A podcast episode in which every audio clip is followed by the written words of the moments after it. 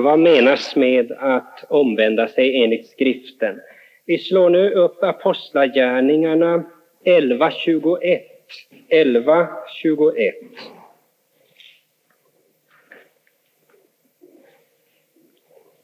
Här står i svensk översättning och Herrens hand var med dem och ett stort antal människor kom till tro och omvände sig till Herren. Jag får säga ifrån om, om ni inte hittar samma ställe, om jag citerar, anger citatet fel. Här ser ni att omvända sig betyder att komma till tro på Herren. Står det omvända sig här i, i den norska?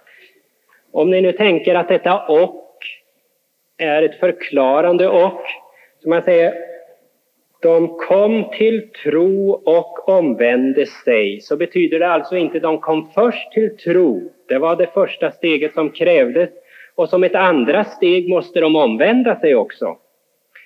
Utan kom till tro och omvände sig betyder att Bibeln säger samma sak två gånger för att vi med våra träskallar ska förstå. Kom till tro. Det vill säga omvände sig till Herren, eller vilket är samma sak, omvände sig till Herren. Då kan vi slå upp Apostlagärningarna 3. Apostlagärningarna 3, vers 19 och 20.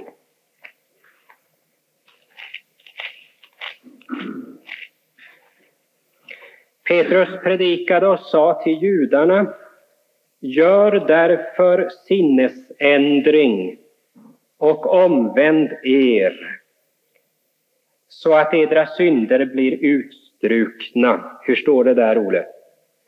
Eh, står det eh, 3.19? Så fatta ett annat sinn och vänd om, så att era synder må bli utbättre och hur svaren på delar kommer Ja, fatta ett annat sin, står det där. Jaha. Just det, då blir, då, Eh, blir det samma sak som jag säger här, gör, göra sinnesändringar. Fatta ett annat sinn. Och omvänd er så att era synder blir utstrukna. Då ska vilans tider komma från Herren och han ska sända den Messias som han har utsett åt er, nämligen Jesus. Det vill säga, när man fattar ett annat sinne, får ett annat sinne i förhållande till synden och till Herren Jesus. När man alltså har blivit troende, då får man vila eller sabbat. Vila, vederkvickelse, syndernas förlåtelse innebär vila, frid, vederkvickelse, nåd. Och att omvända sig, att fatta ett annat sinne, att komma till tro är alltså samma sak.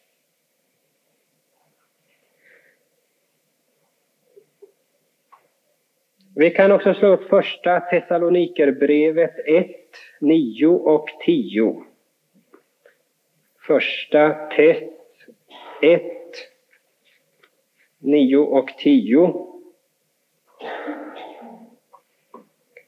Paulus påminner Thessalonikerna om deras nådastånd.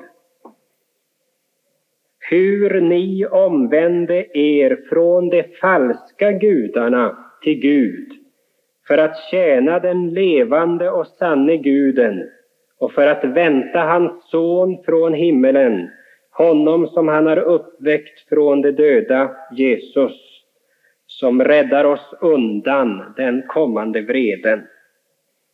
Här kännetecknas omvändelsen av att syndaren vänder sig till den försonade och nådigt kallande guden. Vreden är borttagen. Och hur syndaren griper om frälsningen i Kristus som Gud erbjuder genom evangelium, eller med andra ord, att syndaren har kommit till tro på Jesus Kristus. Vi kan också se på första Petri 2.25. Första Petri 2.25, där säger Petrus till de troende, till de kristna. Ni gick alla vilse som får, men nu har ni vänt om till era själars herde och biskop. Alltså att de har vänt om, det är att de har vänt sig till sina själars herde och biskop. Och på samma sätt är det en rad andra ställen. Det tar lite för lång tid att slå upp alla dessa ställen, men vi ser att omvända sig eller ändra sinnet, det är detsamma som att vända sig från synden till Herren Jesus. Vända sig till sin själs herde och biskop. Och när det i Lukas 1, 16 och 17 heter att Johannes döparen ska omvända många av Israels barn till Herren, deras Gud. Han ska gå framför honom utrustad med Elias ande och kraft för att omvända fädernas hjärtan till barnen och det olydiga till det rättfärdiga sinnelag så att han skaffar åt Herren ett väl berett folk så ser vi att omvända betyder alltså att föra dem till tro på Kristus. För det är endast genom tron på Kristus som Israels barn i sanning vände sig till Gud.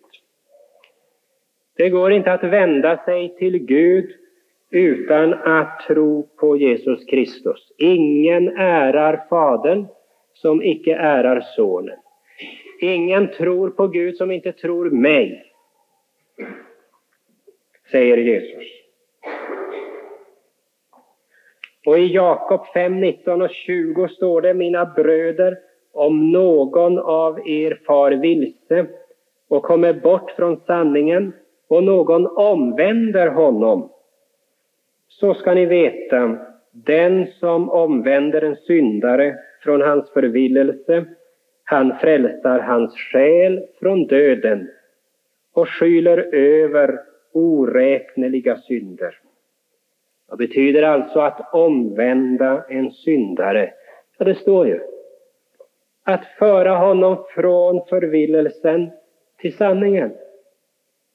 Att föra honom alltså från blindheten, lögnen, mörkret, döden till seendet, sanningen, livet, ljuset till Herren Kristus som är vägen, sanningen och livet. Om vi skulle gå igenom alla ställen i Nya testamentet och alla ställen i Gamla testamentet som talar om att vända tillbaka, vända om, omvända sig, så finner vi samma sak precis samma klara och entydiga lära. Att omvända sig betyder att en syndare böjer sina öron och sitt hjärta till Guds nådes ord, till evangelium. Att en syndare vänder sig från synden som bringar honom död och förbannelse till den försonade och nådigt kallande Guden. Att en syndare griper om frälsningen i Kristus som Gud erbjuder genom evangelium, eller kort och gott, att en syndare kommer till tro på Jesus Kristus. Det är alltså det första vi ville stryka under. Vad menas med att vända om eller omvända sig? Enligt skriften. Och jag hoppas att ni kan minnas det här, för jag har medvetet tjatat in, upprepat vissa punkter. Nu kommer vi till nästa punkt. Kan en människa enligt skriften göra något så att hon blir omvänd? Kan en människa enligt skriften göra något så att hon blir omvänd? Vi talar alltså om en människa som icke är omvänd. som ännu icke är troende, som ännu icke är förd från döden till livet, som ännu inte är förd från mörkret till ljuset, som ännu inte har uppväckts och fått liv, som ännu inte är född ovanifrån, kan en sådan människa enligt skriften göra något så att hon blir omvänd? Ja, då måste vi göra klart för oss hur, vad Bibeln lär om en sån människa. En sådan människa kallas i Bibeln för en naturlig människa. Jag vet inte vad ni säger på norska, naturlig. I vissa svenska bibelöversättningar står det en själisk människa. Finns det uttrycket på norska? Det var bra det. Det är ett konstigt uttryck. Eh, I den svenska bibelöversättningen till första Kor 2 och 14 så står det en själisk människa förstår inte vad som kommer från Guds ande. En naturlig människa kanske det står hos er. Och det menas alltså en oomvänd människa. En naturlig själisk människa är alltså motsatsen till en andlig. Och vad är nu återigen en andlig människa? Ja, här råder också oklarheter. Om jag, om jag frågar någon återigen så här, tror du på Herren Jesus? Ja. Tror du att han har dött för dina synder? Ja. Tror du att han har uppfyllt lagen för dig också? Vi alla sticker. Är du en andlig människa? Ja, jag hoppas det, men jag vet inte. Samma sak som förut när jag frågar, tror du, ja, är du levande jord med Kristus? Ja, jag vet inte, jag hoppas det. Nej, men det är ju samma sak. Att tro på Jesus och vara levande jord eller en andlig människa, det är ju samma sak. Att vara född på nytt och tro på Jesus är samma sak. Den som icke tror på Jesus är en naturlig människa. Den som tror på Jesus är en andlig människa. Och då har det skett ett under. Ty den naturliga människan är icke andlig, förstår inte det andliga. En fiende till det andliga är död andligt sett i överträdelser och synder. Är en fiende till Gud.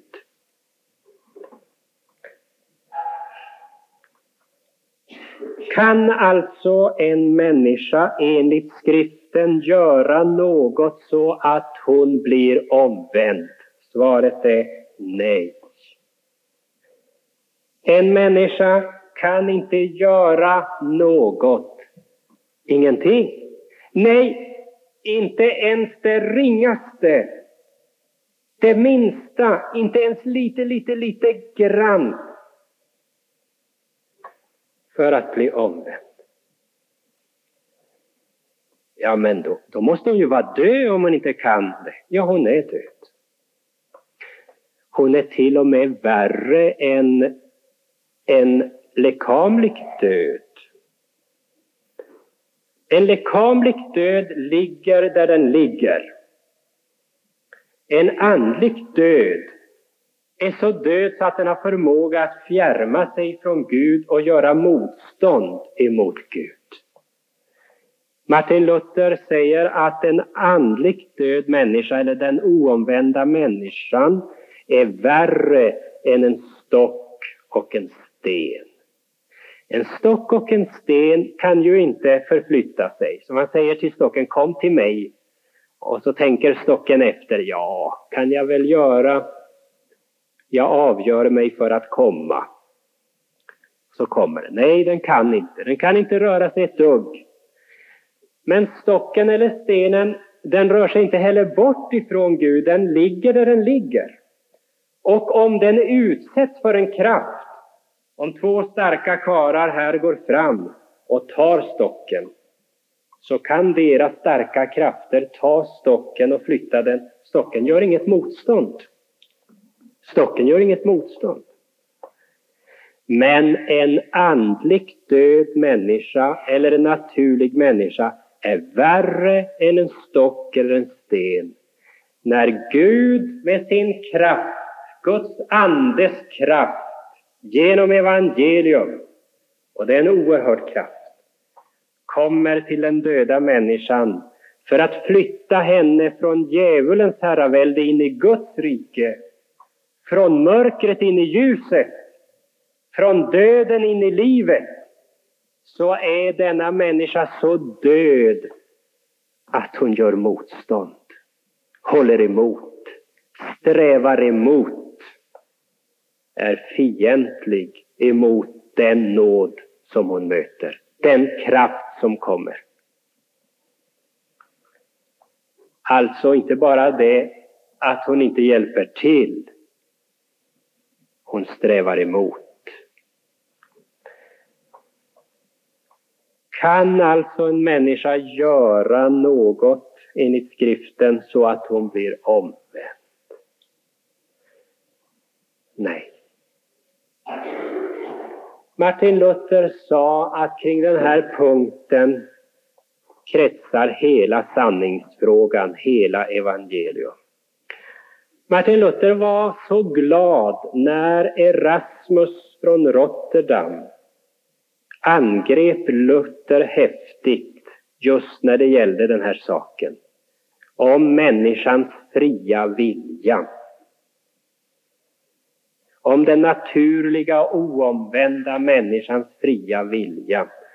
Och Erasmus sa det är klart att hon måste ju ha lite, lite grann fri vilja i alla fall så att hon kan avgöra sig för nåden när nåden möter henne kan avgöra sig för att hon ska låta sig hjälpas, låta sig förflyttas från dödens rike till livet, från mörkret till ljuset. Men Luther visade då i sitt svar om den trälbundna viljan att viljan är trälbunden. Att hon är Satans slav enligt Guds ord. Att det inte finns en gnista kvar som vill det goda. Och här gäller det ju den viktiga läran om arvsynden. Enligt Erasmus och den katolska läran så är människan genom arvsynden allvarligt skadad. Men enligt den bibliska och lutherska läran är hon andligt död, inte bara skadad. Inte bara svårt skadad så att hon med hjälp av nådekrafter och konstgjord andning kan kvickna till och så räddas. Utan hon är helt död. Hon måste alltså uppväckas, födas på nytt.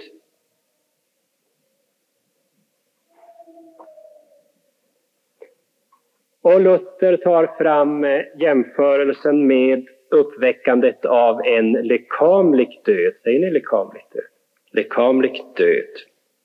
Kan en lekamlig död medverka till sin uppväckelse? Omöjligt. En död människa kan inte göra ett dugg. Vem kan då uppväcka en död människa? Gud alena. Det minns man sa om Jesus när han uppväckte döda. Han har gjort sig till Gud. Endast Gud kan ju förlåta synder och uppväcka döda. Och är det så att Gud då när han uppväcker en död först kontrollerar om den döde vill samarbeta eller om den döde är villig att ge ett ja det finns ingen vilja att ge något ja. Någon vilja att samarbeta. Människan är död.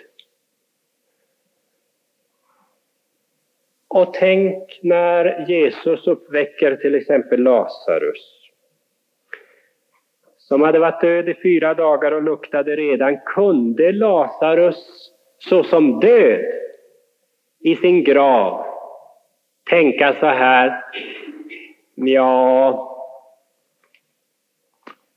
ja, jag gör väl då som Jesus säger.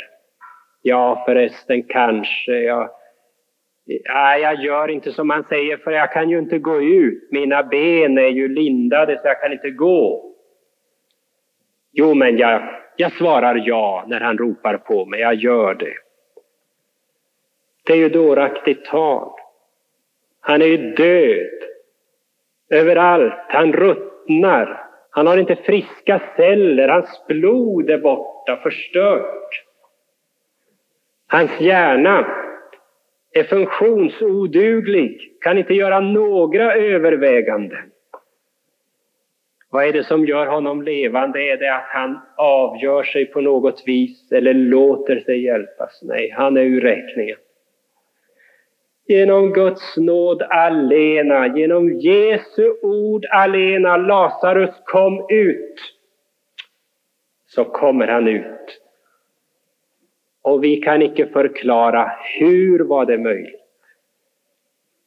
Lika lite som vi kan förklara något under hur var det möjligt att Israels barn kunde gå torrskodda genom Röda havet och vattnet stod som en mur på båda sidor. Vi kan icke förklara Guds under. Hur var det möjligt för Jesus att gå på vattnet? Hur var det möjligt att det kunde bli bröd som man kunde uppfylla tolv korgar när man bara hade fem bröd och två fiskar? Vi kan icke förklara. Hur var det möjligt att en som luktade redan, hade varit död i fyra dagar, kommer ut, blir levande? Det är Guds under. Det är nåd alena. Dessutom kan ni ju fundera över hur Lazarus kunde komma ut när han inte var löst från binderna förrän han var ute. Han var ju virad i regel så här så som död med lindor. Men han kom ut. Precis som en lekamligt död människa inte kan göra något till att få tillbaka livet, inte ett dugg, så kan icke heller en andligt död människa, alltså en naturlig människa, alltså en oomvänd människa, göra något till sin omvändelse. Något så att hon blir omvänd.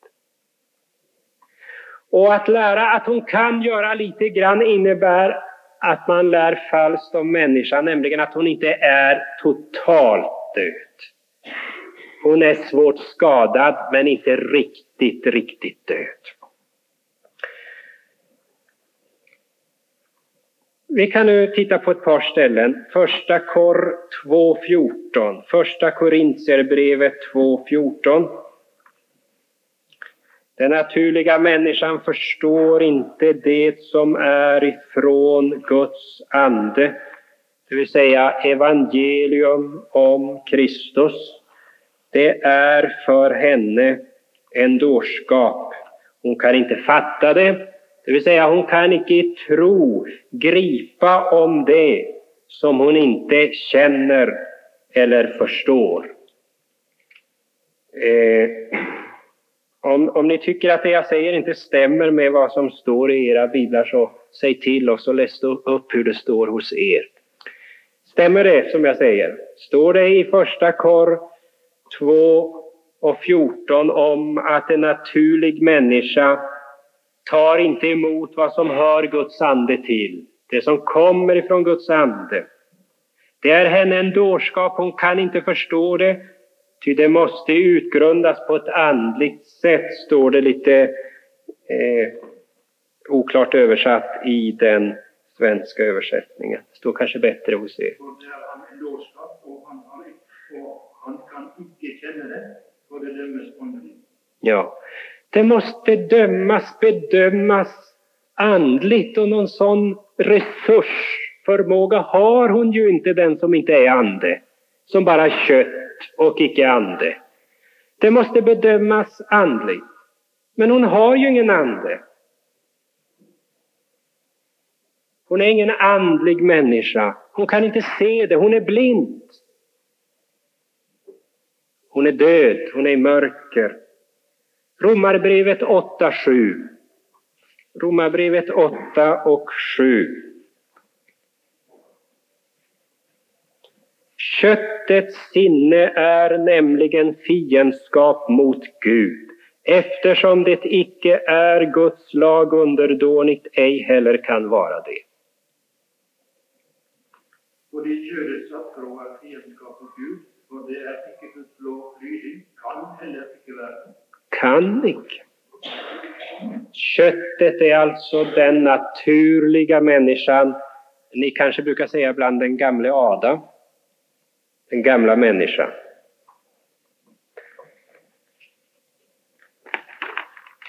Vi kan också slå upp Efeserbrevet 2 och 1.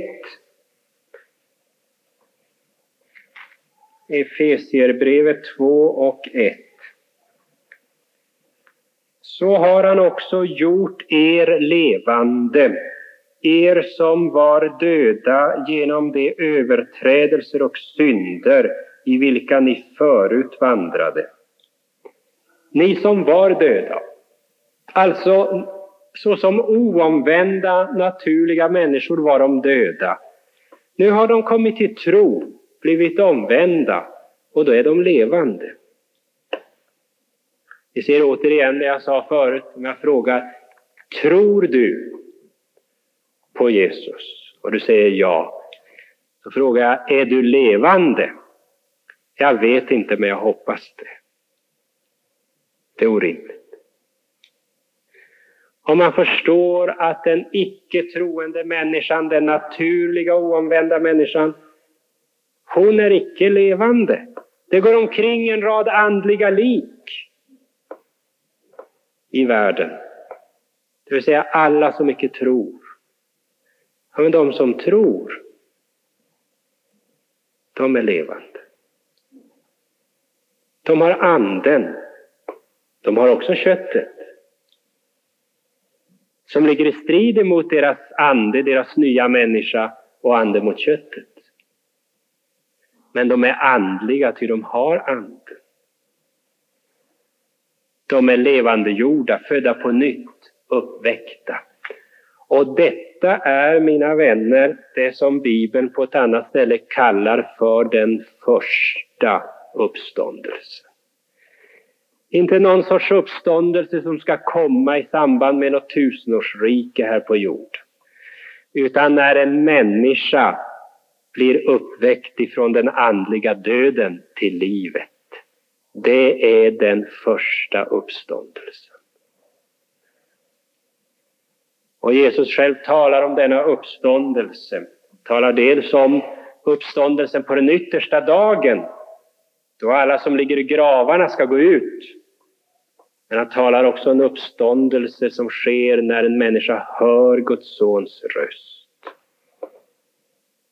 Genom Guds sons röst, genom evangelium blir född på nytt. Då står hon upp. Och aposteln skriver i flera av sina brev om denna uppståndelse. Ni som har stått upp ifrån de döda ni som har blivit uppväckta ifrån döden, nämligen den andliga döden. Genom tron på Jesus Kristus.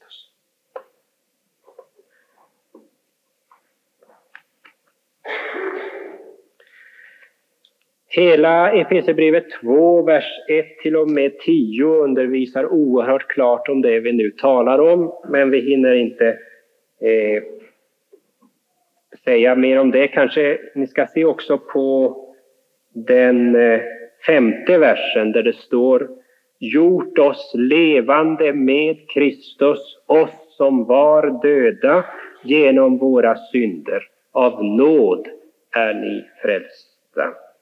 Och i sjätte versen, ja, han har uppväckt oss med honom. Uppväckt oss. Låtit oss stå upp. Givit oss liv. Och detta är av nåd, vers 8 och 9. Av nåd är ni frälsta genom tro och det icke av er själva. Guds gåva är det. Icke av gärningar för att ingen skall berömma sig. Johannes 3 och 3. Jesus samtal med Nikodemus, en av Israels lärare. Jesus svarade och sade till honom Sannerligen, sannerligen, säger jag dig, om en människa icke bliver född på nytt eller ovanifrån, så kan hon icke se Guds rike. Så blir hon inte omvänd. Eller så kan hon inte tro. Så blir hon inte född på nytt. Varje människa är alltså efter sin första födelse efter Adams syndafall oförmögen att se Guds rike och komma in i Guds rike. Ska hon in i Guds rike, komma in i det, måste hon födas på nytt ovanifrån, födas av Gud, bli uppväckt av Gud. Av Gud, den helige Ande, genom evangelium föras från döden till livet, från mörkret till ljuset, från Satans välde till Gud. Lika lite som en människa kan göra något till sin egen födelse, så kan hon göra något till sin egen omvändelse. Det ser så klart Bibeln talar. För att vi med våra träskallar ska förstå. Och så säger man, ja men det går inte riktigt att veta. Först den tydliga bilden med en parallell mellan att väcka upp en lekamligt död till liv. Då kan ju ingen missta sig vad det innebär att bli uppväckt andligen Och så nu ytterligare denna bild med födelsen. Hur går det till? Kunde vi göra något till vår födelse? Vi är för sent ute.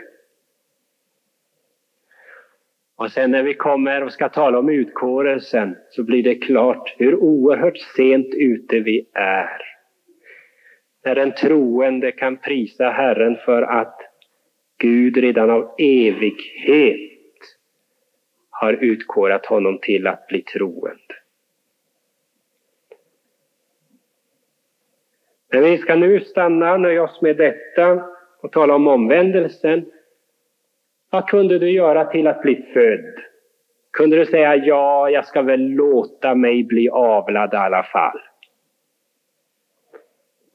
Det fanns ju inte till. Men ni ser hur Israels lärare Nikodemus är styrd av det mänskliga förnuftet och tänker ja, om man ska kunna bli född på nytt, ja, det finns ju bara en möjlighet då, mänskligt sett. Det är att krypa in i sin moders liv igen och så bli utkrystad. Men så tänker han en andra tanke och säger, men det går ju inte. Huru ska det gå till? Kan en människa återigen gå in i sin moders liv? Säger han ju, inte sant? Nej, denna födelse, den är ovanifrån. Och du är Israels lärare och förstår icke detta. Inte kan hon väl åter gå in i sin moders liv och föda, säger Nikodemus. Jesus svarade, sannerligen, sannerligen säger jag dig, om en människa icke blir född av vatten och ande, så kan hon icke komma in i Guds rike. Det som är fött av kött, det är kött, och det som är fött av anden, det är anden. Blir man icke född av anden genom evangelium så blir man aldrig född på nytt. Så kan man icke komma in i Guds rike. Kan man icke se Guds rike. Kan man icke böja sitt hjärta och sina öron till Guds nådesord så kan man icke vända sig från synden och till Jesus. Så kan man icke tro på Herren Jesus Kristus. Hur blir då en människa omvänd? Det blir det tredje. Först har vi talat om vad säger skriften om omvändelsen. Vad menar skriften med att vända om? Och så har vi sagt, kan en människa då göra något så att hon blir omvänd? Och vi har svarat nej, hon är död. Hon är en fiende till Gud. Och då frågar vi för det tredje, hur blir då en människa omvänd?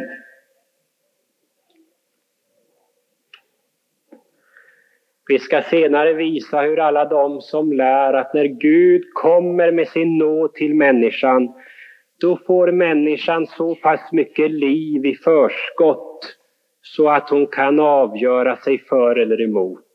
Så att hon kan välja om hon ska låta sig födas på nytt eller inte. Bibeln lär att det finns inget nytt liv före omvändelsen, före nya födelsen. Utan endast motstånd och ovilja, död, fiendskap till Gud. Men alla de som menar, jo det finns, eller det ges så pass mycket ny livskraft i och med kallelsen att hon med denna nya livskraft kan avgöra sig. Lämna ditt liv åt Jesus. Avgör det, valet är ditt. Och detta säger man fastän Jesus säger Ni har icke utvalt mig utan jag har utvalt eder. Han säger vi har utvalt honom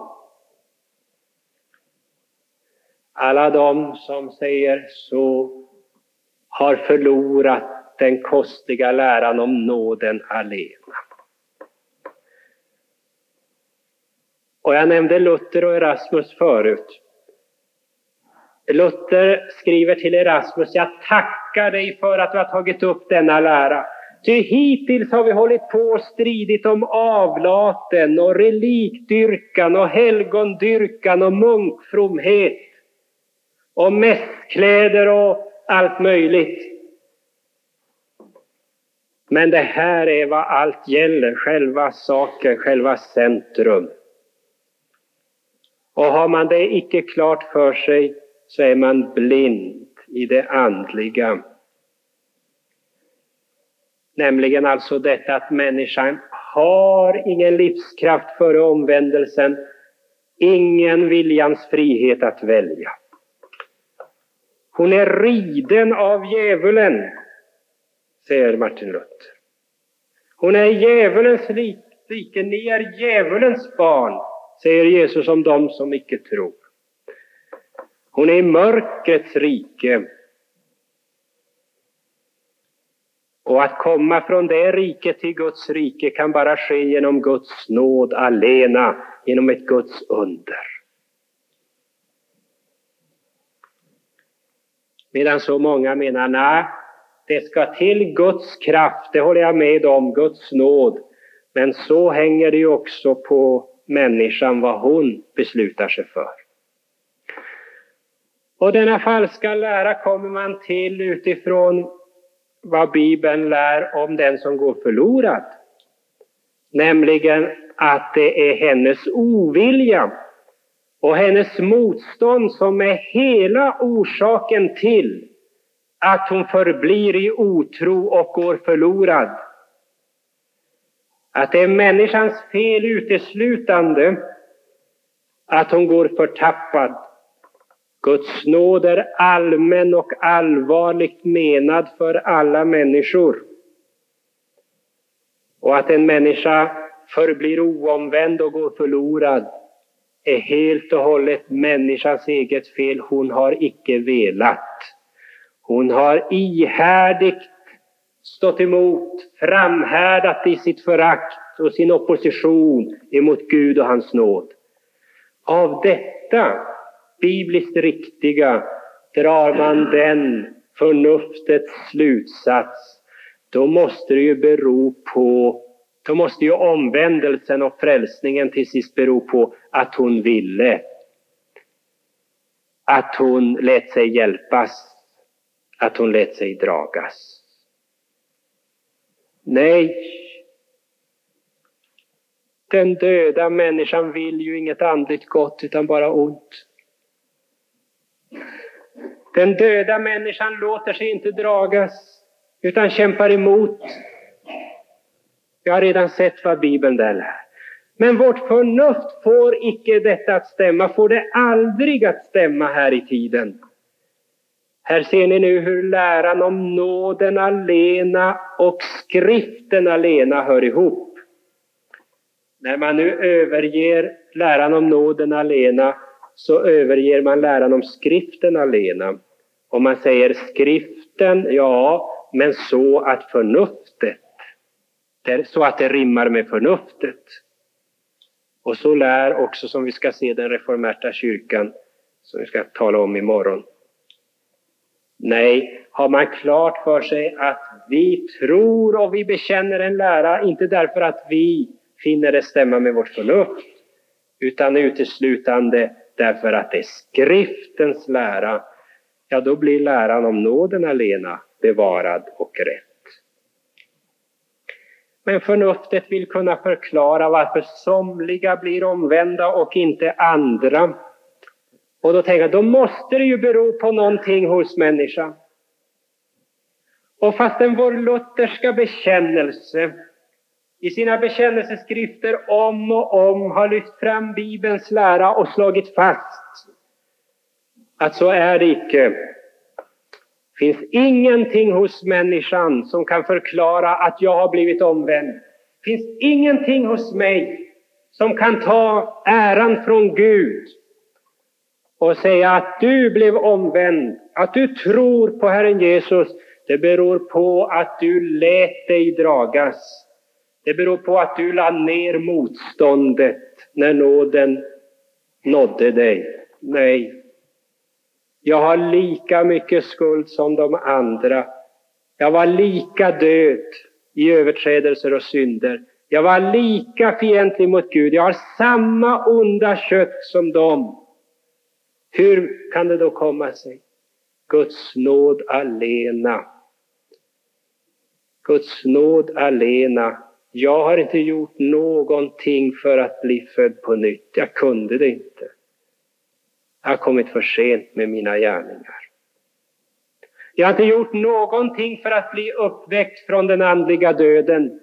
Jag kunde det inte. Jag var död i synden. Jag var blind. Jag fattade inte det andliga. Jag förstod det inte. Det var för mig en dårskap. Jag kunde inte fatta det. Guds nåd alena. Och så är alltså den bibliska läran att en människa blir omvänd av nåden alena till hundra procent Guds verk, Andens verk alena, genom nåden. Men samtidigt lär Bibeln den som går förlorad, går förlorad för sin egen skull det är hundra procent hennes eget fel. Hennes ovilja och motstånd och förakt emot Gud. Och dessa båda sanningar är Bibelns sanningar. Först i himmelen ska vi se att detta som vi ser styckevis nu går ihop i sin helhet. Men här i världen ser vi det inte gå ihop. Här har vi en sån sak som Bibeln talar om när den säger här ser vi dunkelt som i en spegel, styckevis. Det vill säga, här är det icke uppenbara till fullo alla styckena, alla bitarna får vi inte se här. Men i himmelen får vi se alla pusselbitarna och då ser vi att det stämmer. Nu gör den dåraktiga människan precis tvärt emot Guds ord. Först så kräver hon emot Gud och hans uppenbarade ord att hon ska se allt så att det går ihop. Och vad händer? Då måste man förneka läran om nåden alena. Och man kommer att lära att människan hjälper till i varje fall lite, lite till sin omvändelse. Sen kommer man att förneka en rad andra läror som är oförnuftiga. Treenigheten kan man inte förstå. Att Gud är tre personer och ändå inte tre gudar utan en enda Gud. Alla som har gått ett år i skolan vet att det går ju inte. Att det är inte bara en enda person utan tre skilda personer. Så anden är inte sonen och sonen är inte fadern och fadern, fadern är inte anden. Tre skilda personer och likväl en enda Gud. Detta lär vi, detta bekänner vi, detta vet vi är sant av skriften alena. Men när man då sätter in förnuftet och inte nöjer sig med de stycken vi har fått, då måste man förneka. Detsamma gäller om Kristi person. Att han är sann Gud och vet allt. Och är oföränderlig och att han är sann människa samtidigt, som växer till i nåd och sanning. Går inte ihop med förnuftet. Men Bibeln, värt. Så ser vi här på ett dunkelt sätt som i en spegel, men då vill vi inte vara med om det. Utan låter förnuftet komma in och ändra det. Men sedan så säger man samtidigt Jo, jag vill verkligen veta av det här att se dunkel som min spegel, nämligen det Bibeln inte har dolt, utan har uppenbarat. Då ser man det är dunkelt, man kan inte riktigt veta.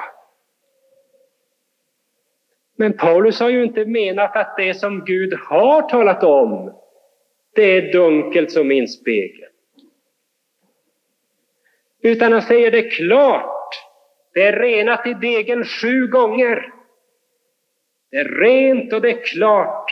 Och jag tror om att vi har sett här hur klart och tydligt Bibeln lär också om omvändelse.